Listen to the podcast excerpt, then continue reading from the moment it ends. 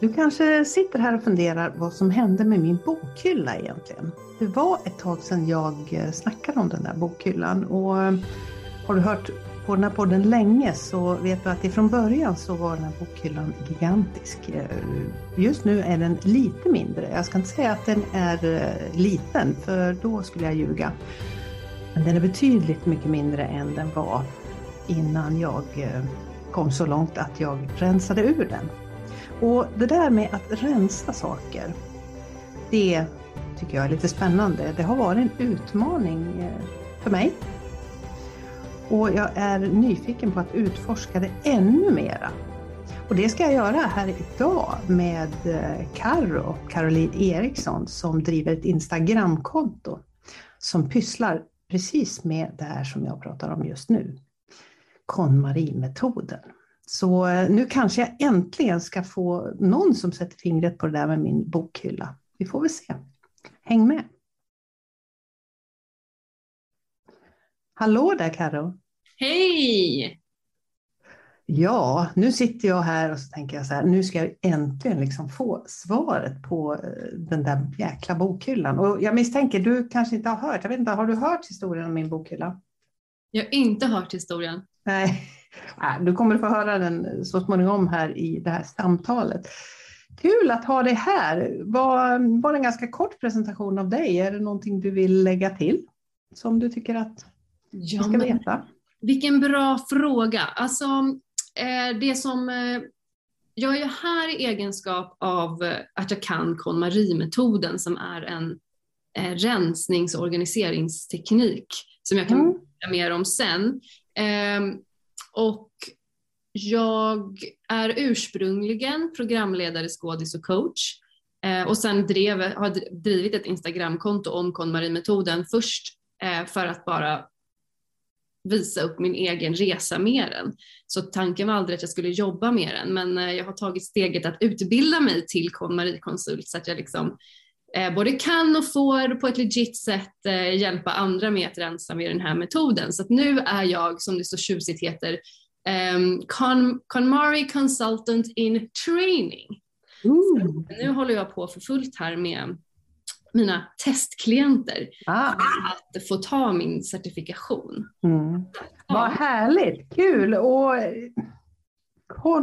KonMari-metoden, överhuvudtaget det här med att rensa och städa och, och det här lite mer minimalistiska. Varför attraherade det dig från början? Ja, alltså det var inget som attraherade mig utan Nej. jag satt i min lilla etta en jul 2015 och kände att jag vill rensa och vart fasen ska jag börja?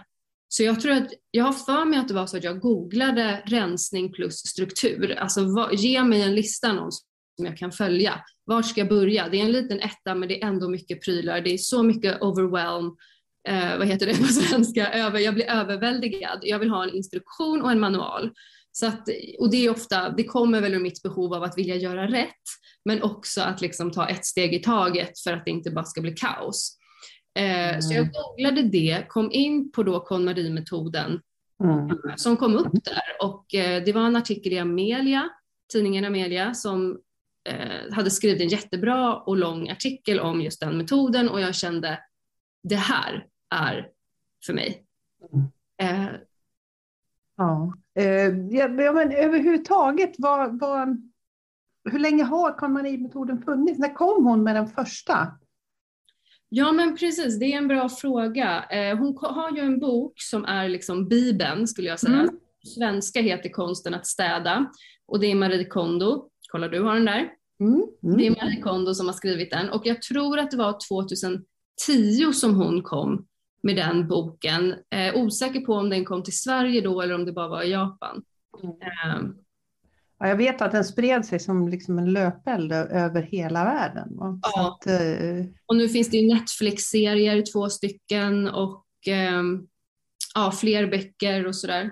Mm. Men, men bara så här, för att vara tydlig om det är så att man tycker att den här metoden verkar spännande så är den boken, Konsten att städa, det är din go-to för att utforska det här och läsa mer om den. Mm. Och ändå, det är en ganska liten bok egentligen. Det är ju ingen tegelsten liksom. Nej, det är ingen tegelsten och ändå är den så jäkla life changing när man läser den och gör det som står. Mm. Eh, det är helt, eh, det är magiskt och den heter ju på engelska uh, The life changing magic of tidying up. Mm. Så att, ja. Och men på svenska, då blev det liksom konsten att städa. Man glömde om bort det där liksom livsförändrande. Ja, precis. Så att, eh, liksom hur den är översatt och titeln på den, om, om det är bra eller inte tvistar de lärde mm. eh, om. Men, eh, men innehållet är guld. Mm. Vad, vad, tänker du om det här med att vi, att vi samlar på oss grejer rent, rent generellt, så där, vad, på det sätt som vi lever idag? Mm. Eh, ja, vad tänker jag om det? Det är liksom inte min go-to när det gäller att rensa och sådär, utan Ja, för jag tänker att jag kan berätta lite om själva metoden också, varför mm. den är sen. Men vad jag tänker om det, alltså jag kan inte säga så mycket om vad jag tycker och tänker om det egentligen, för att jag är ganska noga med att inte döma människor i det, utan vi samlar på oss grejer, punkt. Och sen vet bara du varför du gör det och jag vet varför jag gör det. Och det jag har sett hos mig är att jag kan se att det är ett liksom så här instant kickbehov som behöver fyllas. Att jag scrollar förbi något på Instagram och ser något och bara, åh gud, jag köpte en klänning igår, men nu behöver jag den där också. Och att det liksom är något, att, att det är en sån grej som, som behöver fyllas. Så det handlar inte om sakerna egentligen, det handlar, handlar alltid om något annat i oss, hittar jag på. Mm. Eh, men, men att eh, resultatet blir då att vi konsumerar. Och sen om det är att vi konsumerar serier som vi gör idag. Vi upplever ju inte serier genom att passa en tid och sätta oss och titta på den klockan åtta med familjen liksom, eh, så mycket längre, utan det är ju det är hela tiden att konsumera och nästa avsnitt, nästa avsnitt, nästa avsnitt och samma sak med eh, dating, Tinder, man konsumerar, konsumerar, konsumerar eh, och samma sak går i liksom alla områden av livet. Eh, och det, handl- det tycker jag är bara viktigt att, att så här, titta på sig själv. Så här, var, gör jag det och varför gör jag det och vad är det för behov som det handlar om egentligen? Um, så jag tror jag mer liksom ser det ur det större perspektivet än bara prylar. Jag tycker det är så intressant med den inre resan och reflektera kring var, liksom, vad, vad är grunden, vad är orsaken, vad är problemet egentligen? Liksom. Är det någonting som, just den biten, för den, det är ju egentligen en coachande bit, det här som du pratar om nu, det här, det här att utforska sig själv och, och sina beteenden och sådär. Är det någonting som du gör också hos, hos klienter när man då, för det, det, dels har du ju det här praktiska, liksom, städandet, rensandet, och sen har du det här, det här liksom mer psykologiska liksom, biten.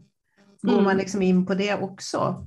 Eller? Det, alltså det är ju det som är KonMari-metoden. Mm. KonMari-metoden i mitt tycke är inte ett sätt att rensa och organisera utan det är en process att gå in i dig själv, lära känna dig själv och din kropp, eh, undersöka ditt beteende, skapa en beteendeförändring, eh, titta på ditt förflutna, titta på din framtid och du gör det genom att hålla i varenda sak du äger och känna efter om den ger glädje eller inte. Eh, så att så är det jag approachar metoden eh, mer än att eh, det är skillnad på någon till exempel som kommer och röjer hos dig eller flyttar en sak från en plats till en annan plats för att fixa snygga lådor. Det gör liksom ingen skillnad för ditt beteende har inte förändrats. Eller det, det är klart det gör skillnad och är det det man behöver så är det det man ska ta hjälp i. Men jag är ute efter den här beteendeförändringen.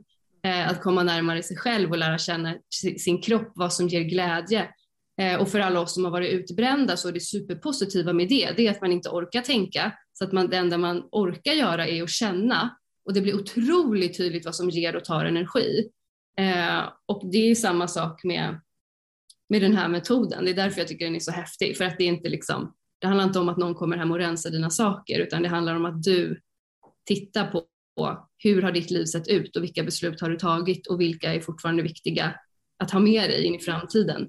Du mm. förändrar ditt liv, du designar om ditt liv. Eh, det är därför det heter life changing magic, för att det är life changing. Eh, ja, det var ett kort svar.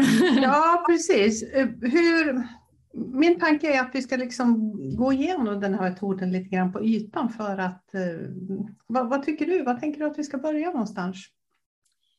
Ja, men alltså den enklaste strukturen är ju bara, nu har jag berättat lite om vad det är och, och varför och hur man gör den, men att titta på olika kategorier för att det handlar om att man städar efter, städar säger jag slarvigt då, eh, och rensar efter, alltså utifrån kategori och inte går rum till rum och plockar eller plockar lite här och städar lite där.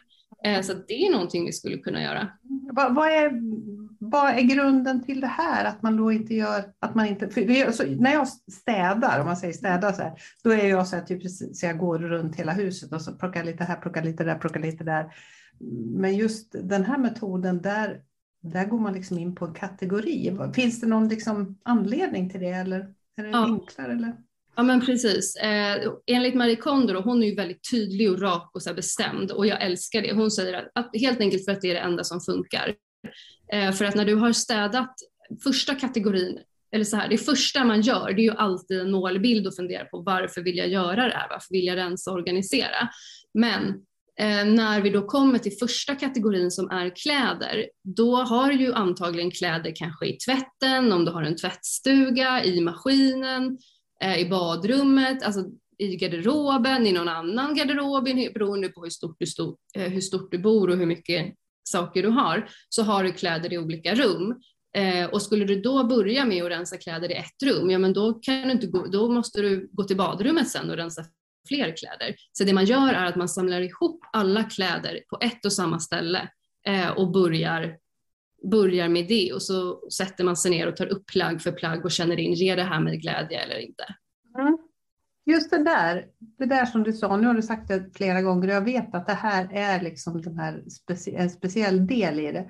Kan du beskriva den lite mer, just det där, vad, vad, vad är det man gör? Det här? Mm.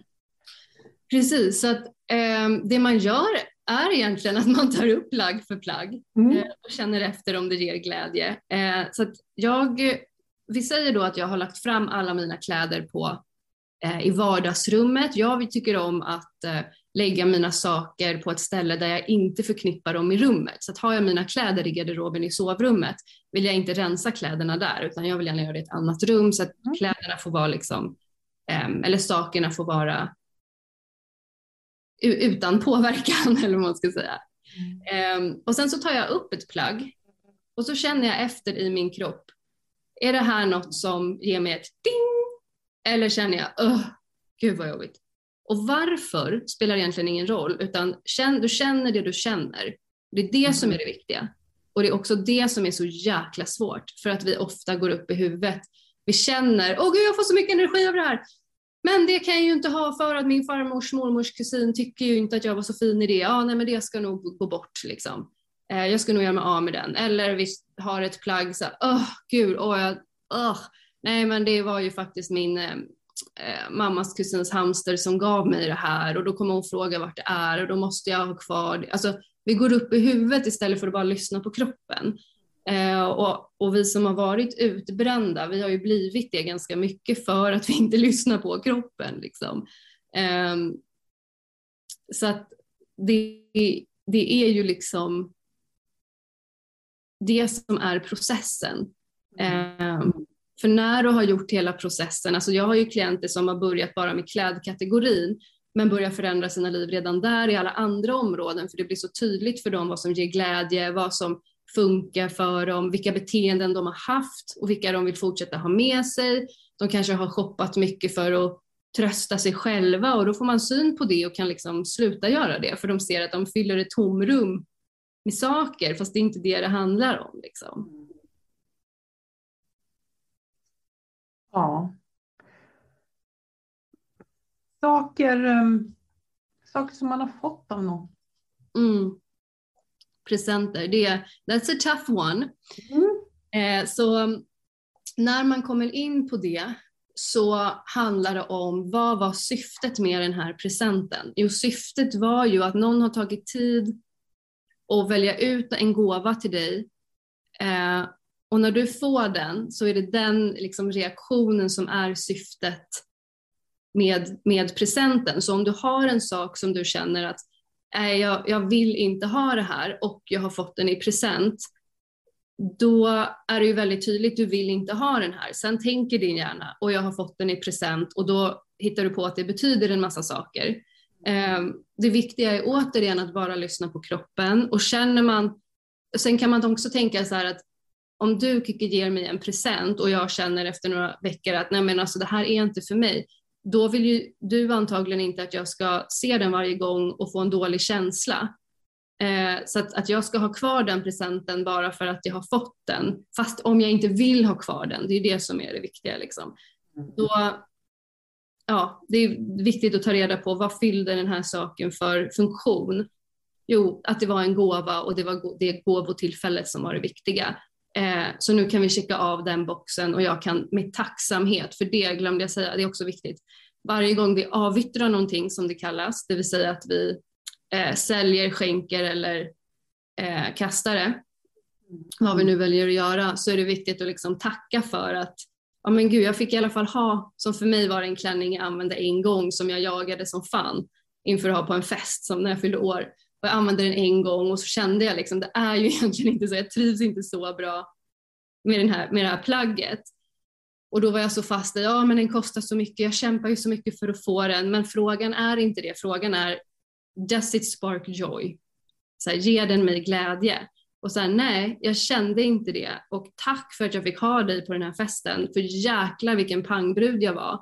Och jag fick precis den kvällen som jag ville. Och nu är det nu är du välkommen, kära klänning, att skänka glädje till någon annan. Så att det är liksom som ett eh, väldigt mindful moment som man har med sina saker. Mm. Mm. Ja, eh, och då finns det, finns det någon regel liksom hur, hur mycket man ska liksom minska sin garderob eller är det också så här känslomässigt att det, när det liksom blir enough för ja. var och en?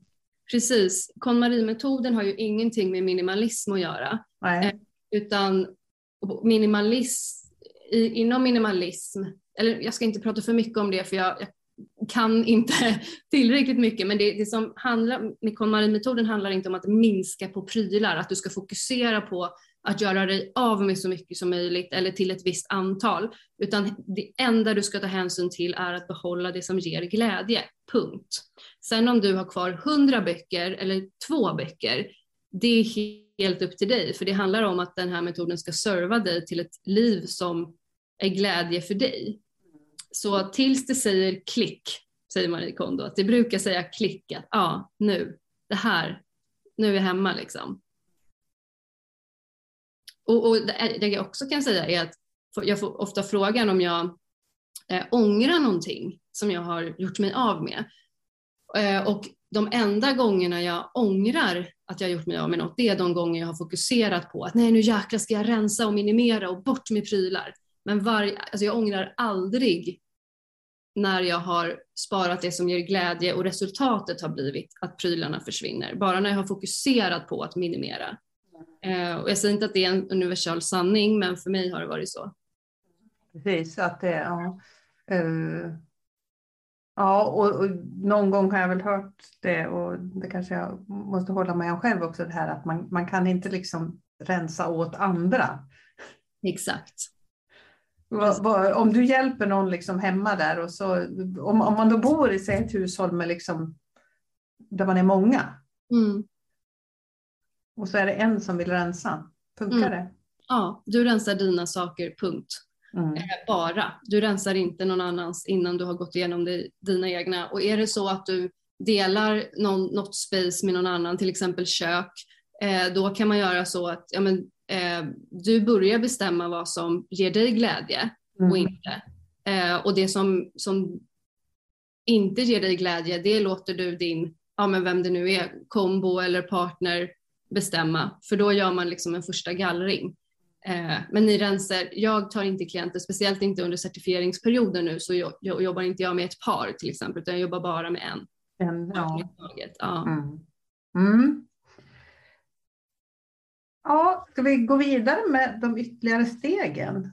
Det kommer mm. nämligen en sak där vet jag som, som, som jag tänkte jag skulle be dig om lite tankar om.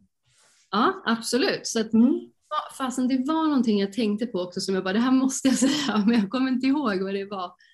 Eh, jag kanske kommer på det sen. Mm. Men steg två är ju då böcker. Mm.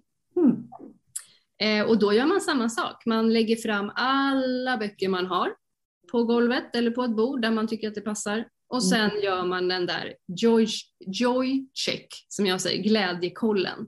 Du tar upp en bok i taget, känner in, ger den dig glädje eh, eller inte?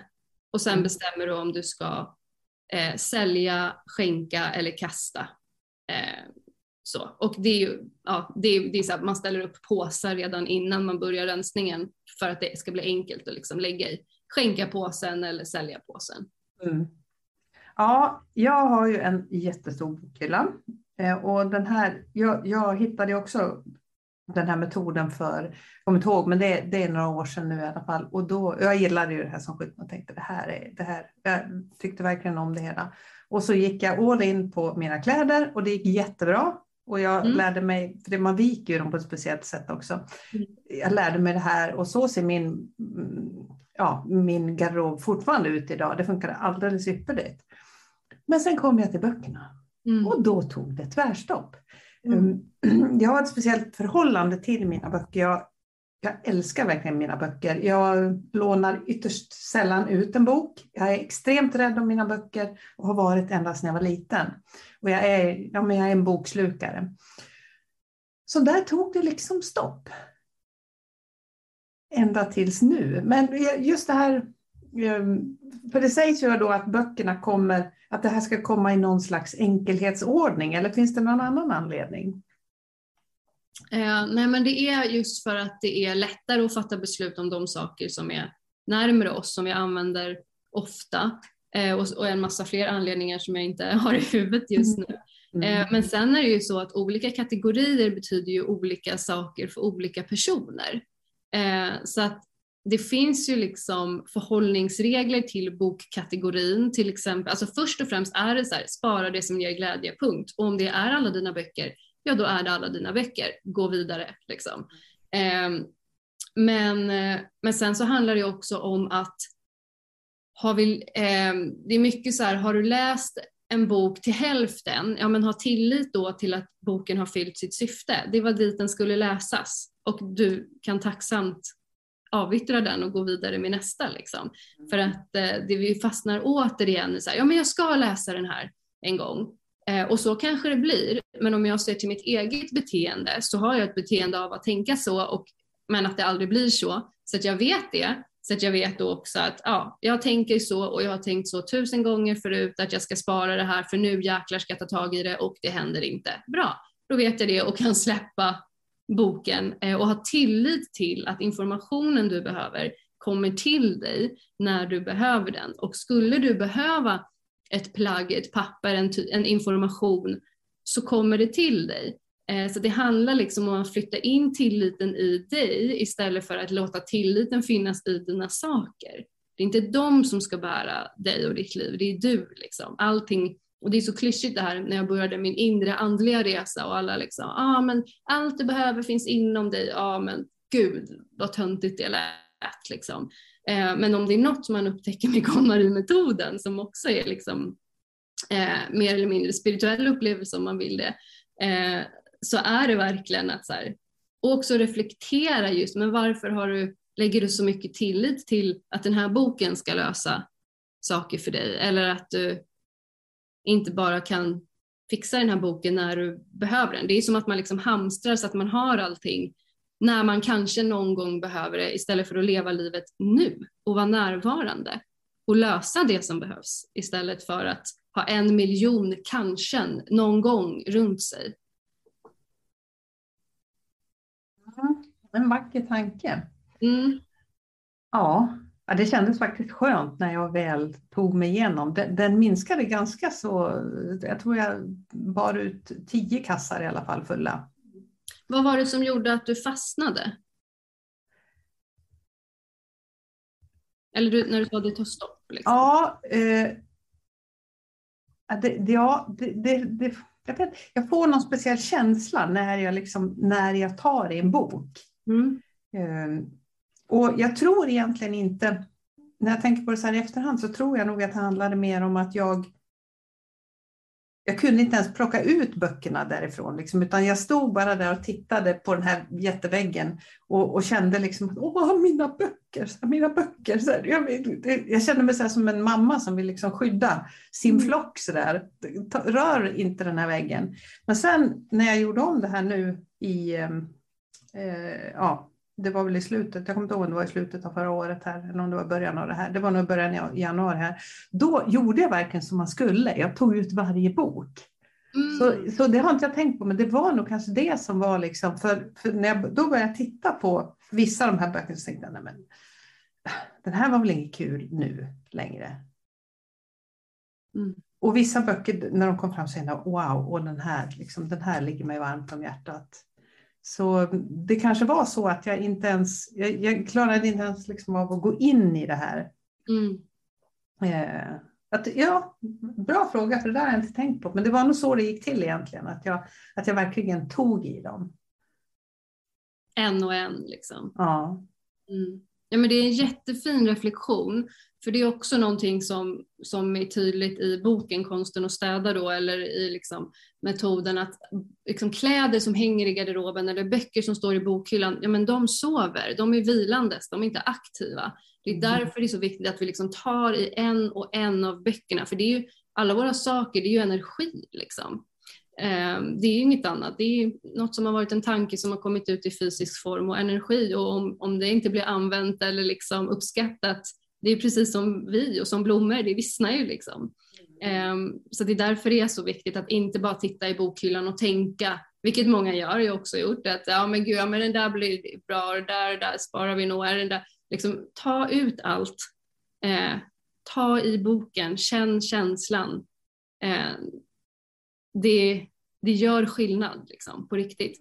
Förutsatt att man, det är det man är ute efter. Vill man bara ha en quick fix och inte sugen på att liksom förändra sitt liv eller gå igenom värsta processen, ja, men gör, gör på något annat sätt då. Liksom. Det här är ju för mm. dem som är verkligen redo för att, nej nu jäklar.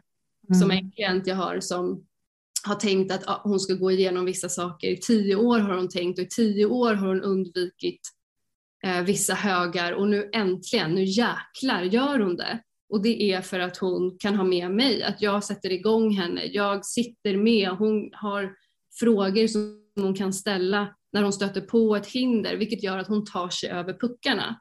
Eh, för vi alla har olika motstånd till olika saker. Och ofta är det så att som när du gick in i din bokhylla där och kände kanske, ja ah, det är så mycket och jag älskar alla de här, jag är deras mamma liksom. Och, um, så det blir ju lätt överväldigande och det är därför det är så viktigt att så här, fokusera nu på en sak i taget mm. och, eh, och ta det därifrån. Och, och liksom ofta märker jag att precis som jag själv när jag gick igenom den här processen att eh, jag har ofta en tanke om att åh gud det här är så mycket papper eller böcker eller grejer och det här kommer jag inte klara av och det här kommer ta jättelång tid och sen när man väl sitter med det så märker man, men gud, det finns ju jättemånga papper här jag kan kasta, det finns ju jättemånga saker jag inte använder eller gud vad kul, jag använder mer än vad jag trodde. Alltså så att vi har ofta föreställningar om hur det är mm. eh, som lätt kan hindra oss från att faktiskt ta det här steget. Mm. Och, eh, det är det som blir så häftigt sen när man upptäcker att nej men gud, shit, jag gjorde ju av med nästan alla papper och har bara några kvar. Liksom. Hur, eh. betyder det att du liksom sitter med fysiskt med mm. dina klienter? Du sitter liksom, det är lite hålla handen sådär? Precis, fast virtuellt nu. Ja. Mm. Så inte fysiskt i dagsläget, men virtuellt funkar skitbra. Och jag ja. sitter i tre timmar liksom med dem framför dem. Eh, och de tre tim minst tre timmar ska man sitta då med en klient. Eh, sen kan man dela upp det, så jag, det kan ju ta en och en halv timme på förmiddagen, en och en halv timme på eftermiddagen. Så. Men men varför man, eh, alltså man, det man vill ha är ju eh, att man ska göra den här städfesten då, som det kallas, i ett svep. Alltså mm. ganska mm. snabbt och ganska direkt för att få känna av den här extrema skillnaden som man känner när det går fort. Liksom. Mm. Eh, så att det är det som är tanken, att det inte är lite dutta här och dutta där, utan nu jäkla kör vi. Mm. Eh, och det är ju så mycket energi som frigörs. Det är helt otroligt vad mycket folk går och bär på i sina saker och mycket sorg som kommer upp och många känslor från liksom dåtiden och saker som inte blev som man hade tänkt eller drömmar som man inte har nått som man har tänkt att man ska nå eller mm. det här yrket, drömmen man vill vara sugen på när man var liten och så blev man något annat. Alltså, det är så och mycket sådana grejer. Mm. Ja, så man fejsar ju allt det och det, det behöver ju göras på ett respektfullt och ödmjukt sätt och man behöver få känna känslorna och känna sorgen och låta det liksom flyga ur kroppen i takt med att sakerna försvinner. Ehm, mm, så det är mycket energi som frigörs. Mm. Ja, nu hade ju jag lite problem då, eller lite utmaningar ska vi säga. Jag hade lite utmaningar, känslomässiga utmaningar med det här steg två. Mm, men vad hände sen då? När man, efter de här första kläder och så, och så böcker, vad, vad är det dags? Vad, hur många steg består det av och vad händer sen? Så det är sex stycken. Mm. Eh, så det är kläder, böcker, papper, komono är en mm. väldigt stor kategori. Eh, och sentimentalt.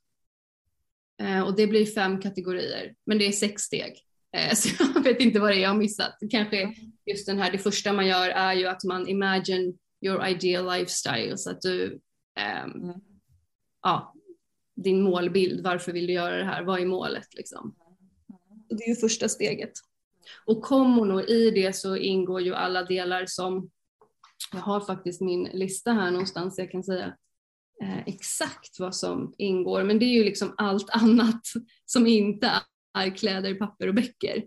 Mm. Eh, det är badrumsgrejer och sänglakan och möbler och elektronik och garaget och förrådet och sist då kommer vi till sentimentalt och det kan ju vara vad som är sentimentalt är olika för alla. Det kan ju mm. vara barnets en miljard teckningar eller det kan vara eh, kalendrar eller foton eller mm. sådär. Och, och där någonstans så kände jag det med, det med papper och det här med, som du säger, kommunen nu med, med övriga grejer, sladdar. Vem har inte 5-11 sådana här laddningssladdar och sådana här saker? Det tror jag de flesta av oss moderna människor har. Men, men det här med som är sentimental, om, om vi liksom kliver fram i det här sista steget nu med de här sentimentala grejerna. Jag, jag, känner ju hur jag liksom blir lite känslomässig bara jag tänker på det här. Som du sa, kalendrar. Då, då liksom direkt sån där, tändes någon sån där, när man hittar såna här gamla, gamla grejer. Mm. Barnens gamla betyg och ja, du vet lite sån här, och mina gamla betyg. Och, ja, vad, vad händer här i det området? Ja, vad händer i det? Det är ju liksom viktigt att behandla det med vördnad också. Mm. Eh, och det finns ju många olika sätt man kan tänka på. Som ett exempel är har man 300 foton av det här eh, resan när vi besökte det här sot och ha alltså ett zoo med familjen. Ja men då kanske man kan spara 50 av de fotona.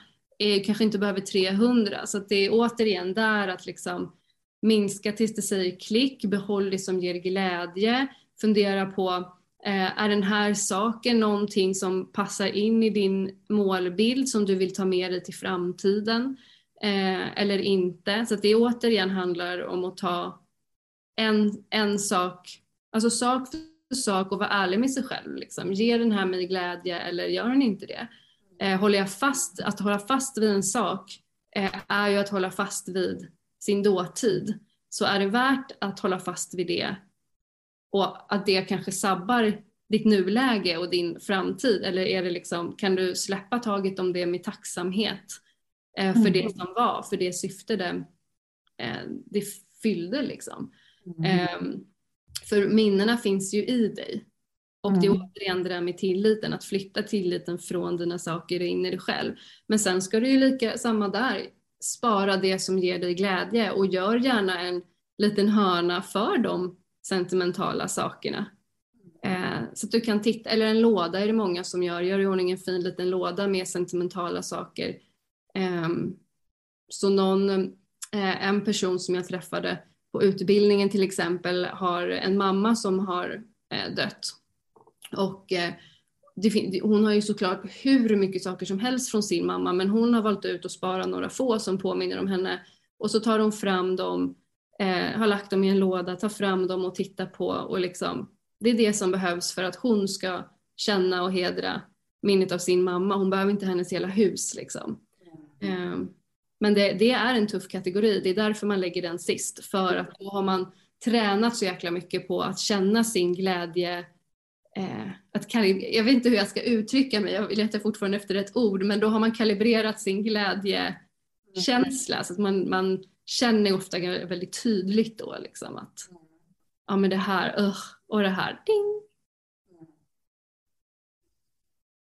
Ja, det är en spännande, det är en spännande resa och jag tänker att det, är, det finns en väldigt vacker tanke bakom alltihop det här. Du pratade lite grann om att, eh, att det här kan liksom vara en, eh, en spirituell resa.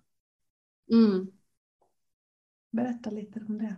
Och din, berätta gärna om din resa eller, eller om något annat. Ja, men precis.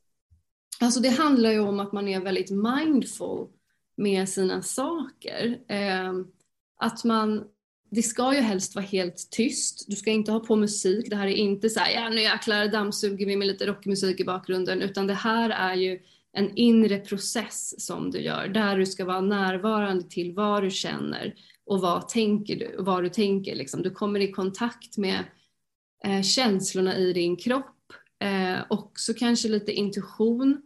Eh, men jag vill säga att det här blir som en spirituell resa. Sen vet jag inte om Marie Kondo sätter, alltså det finns ju lite av det i det, men jag vet inte om hon, hon går ju inte ut och säger det här är en spirituell resa liksom, utan det är vad jag själv har upplevt. För att mina sinnen blir så mycket starka och jag, just det här med att min egen inre resa som jag börjar med innan jag börjar med KonMari-metoden, det handlar ju mycket om att lita på sig själv och att det handlar om eh, energi, att eh, flowa med energin, skapa ett flow, inte låta den stagnera, eh, skapa ett flöde. Eh, och därför förknippar jag det med att det blir liksom som en spirituell resa. Mm. Mm. Det är också något som jag märker, för många tänker nu ska jag rensa för att tjäna pengar och det kan man ju absolut göra. Eh, min erfarenhet och det jag märker från mina Eh, klienter också, det är just att ja men i början är man astaggad och man liksom sitter där och ska sälja minsta grej på Tradera och lägga upp frakt och beskrivningar och så sitter man där med 50 kläder liksom och, och ska göra det här eller lägga ut på Marketplace och Blocket och överallt. Eh, och gud, om det är spark joy, gör det. Om det ger dig glädje, gör det. Men för mig, alltså jag blir så dränerad. För mig stoppar det upp hela mitt flöde. Så att jag brukar skicka iväg, antingen skänker jag eller så skickar jag till Sellpy. Inget samarbete, obs. Eh, utan bara så här, så att processen flödar så att jag inte behöver stagnera min energi. För det är energi som stagnerar. Liksom. Eh, utan så att det hela tiden eh, flödar. Eh, och det är också något jag liksom var inne på mycket när jag började min inre spirituella resa Eh, som jag förknippar med KonMari-metoden. Men, men i KonMari-metoden så pratar ju inte hon så mycket om, eller alls liksom om universum och dina guider och tidigare liv, vilket är liksom kanske mer hands-on eh, som man förknippar med det liksom, spirituella. Men däremot så har hon ju en sån här kristall och eh, jag vet inte vad det heter, jag säger kristallgaffel, en sån här tuning fork tror jag det heter, eller någonting som hon börjar liksom sessionerna med och plingar i. Och Sådär. Ja, jag mm. vet inte om det var svar på din fråga. Men... Mm, nej, men jag tänker att det är som du säger, att det blir som en slags, det blir som en slags rit eller process. Hela den här, uh, ja. hela den här resan. Liksom. Mm. Exakt så, för man ska verkligen se det här som eh, den här städfesten då, att det här är som ett special event, special occasion. Det här är inte något du går och gör lite grann ibland, utan det här är blockad tid i din kalender där du ägnar dig specifikt åt det här. Eh, ofta gör man ju kanske inte det utan man går och städar och plockar lite precis som att man inte, många eh, lägger inte in återhämtning i kalendern eh, utan det blir när man ändå inte har något att göra eller när ungarna har lagt sig istället för att, eh, mm. istället för att blocka av tid för det först och mm. sen allt annat eftersom det viktigaste är att du mår bra. Liksom. Och då tänker jag så här, nu, det leder mig liksom in lite grann på, på en avslutning på det här. Hur håller man liksom kvar vid det här sen då? Finns det liksom något, eh, när man då gått igenom det här, eller, eller löser det sig själv? Eller vad, ser du någonting? Hur har, du, hur har det varit själv med dig? Har du, har du samlat på dig igen och fått göra om det? Eller vad? Exakt, så det handlar om att du rensar först, organiserar sen. Och mm. eh, det, alltså när du har färre saker att behöva bry dig om så gör det i sig att det liksom blir mer städat. Eh, det blir också lättare att liksom eh, städa för att du ehm, har färre saker att sätta tillbaka. Men framförallt är att alla saker har ett hem. Du vet exakt vart varje sak bor. Eh, vilket gör så otroligt mycket lättare att lägga tillbaka saker på sin plats. Liksom. Mm. Och det skulle, så, så, var ju inte mitt beteende innan utan jag är visionary och det händer mycket och det är idéer och det är grejer överallt och tio projekt i soffan och kontoret är vid köksbordet, alltså sådär. Eh, så att, och det är så här, ja men jag är så, jag behöver ha det så här. Ja, trodde jag ja, för att det går väldigt, väldigt mycket bra också att inte ha det så utan att liksom, jag vet exakt var allting är och det gör mig till en organiserad person liksom. Eh, så att allting har sitt eh, ett hem. Eh, men sen så absolut, jag ska erkänna att jag tvättar grejer och tumlar och det tar en vecka innan de kommer upp ur IKEA-kassen. Jag är inget så här saint på något sätt liksom. Eh, utan det kan absolut bli rörigt. Eh, speciellt om man kanske har fler som bor och inte bara en själv. Men det, det som underlättar är att det tar en kvart att plocka i ordning istället för tre dagar. Som känns som ett berg innan man orkar börja med det. Liksom. Mm. Så det löser sig själv under resans gång. Det gör det. Ja, det låter ju kanonbra. Mm.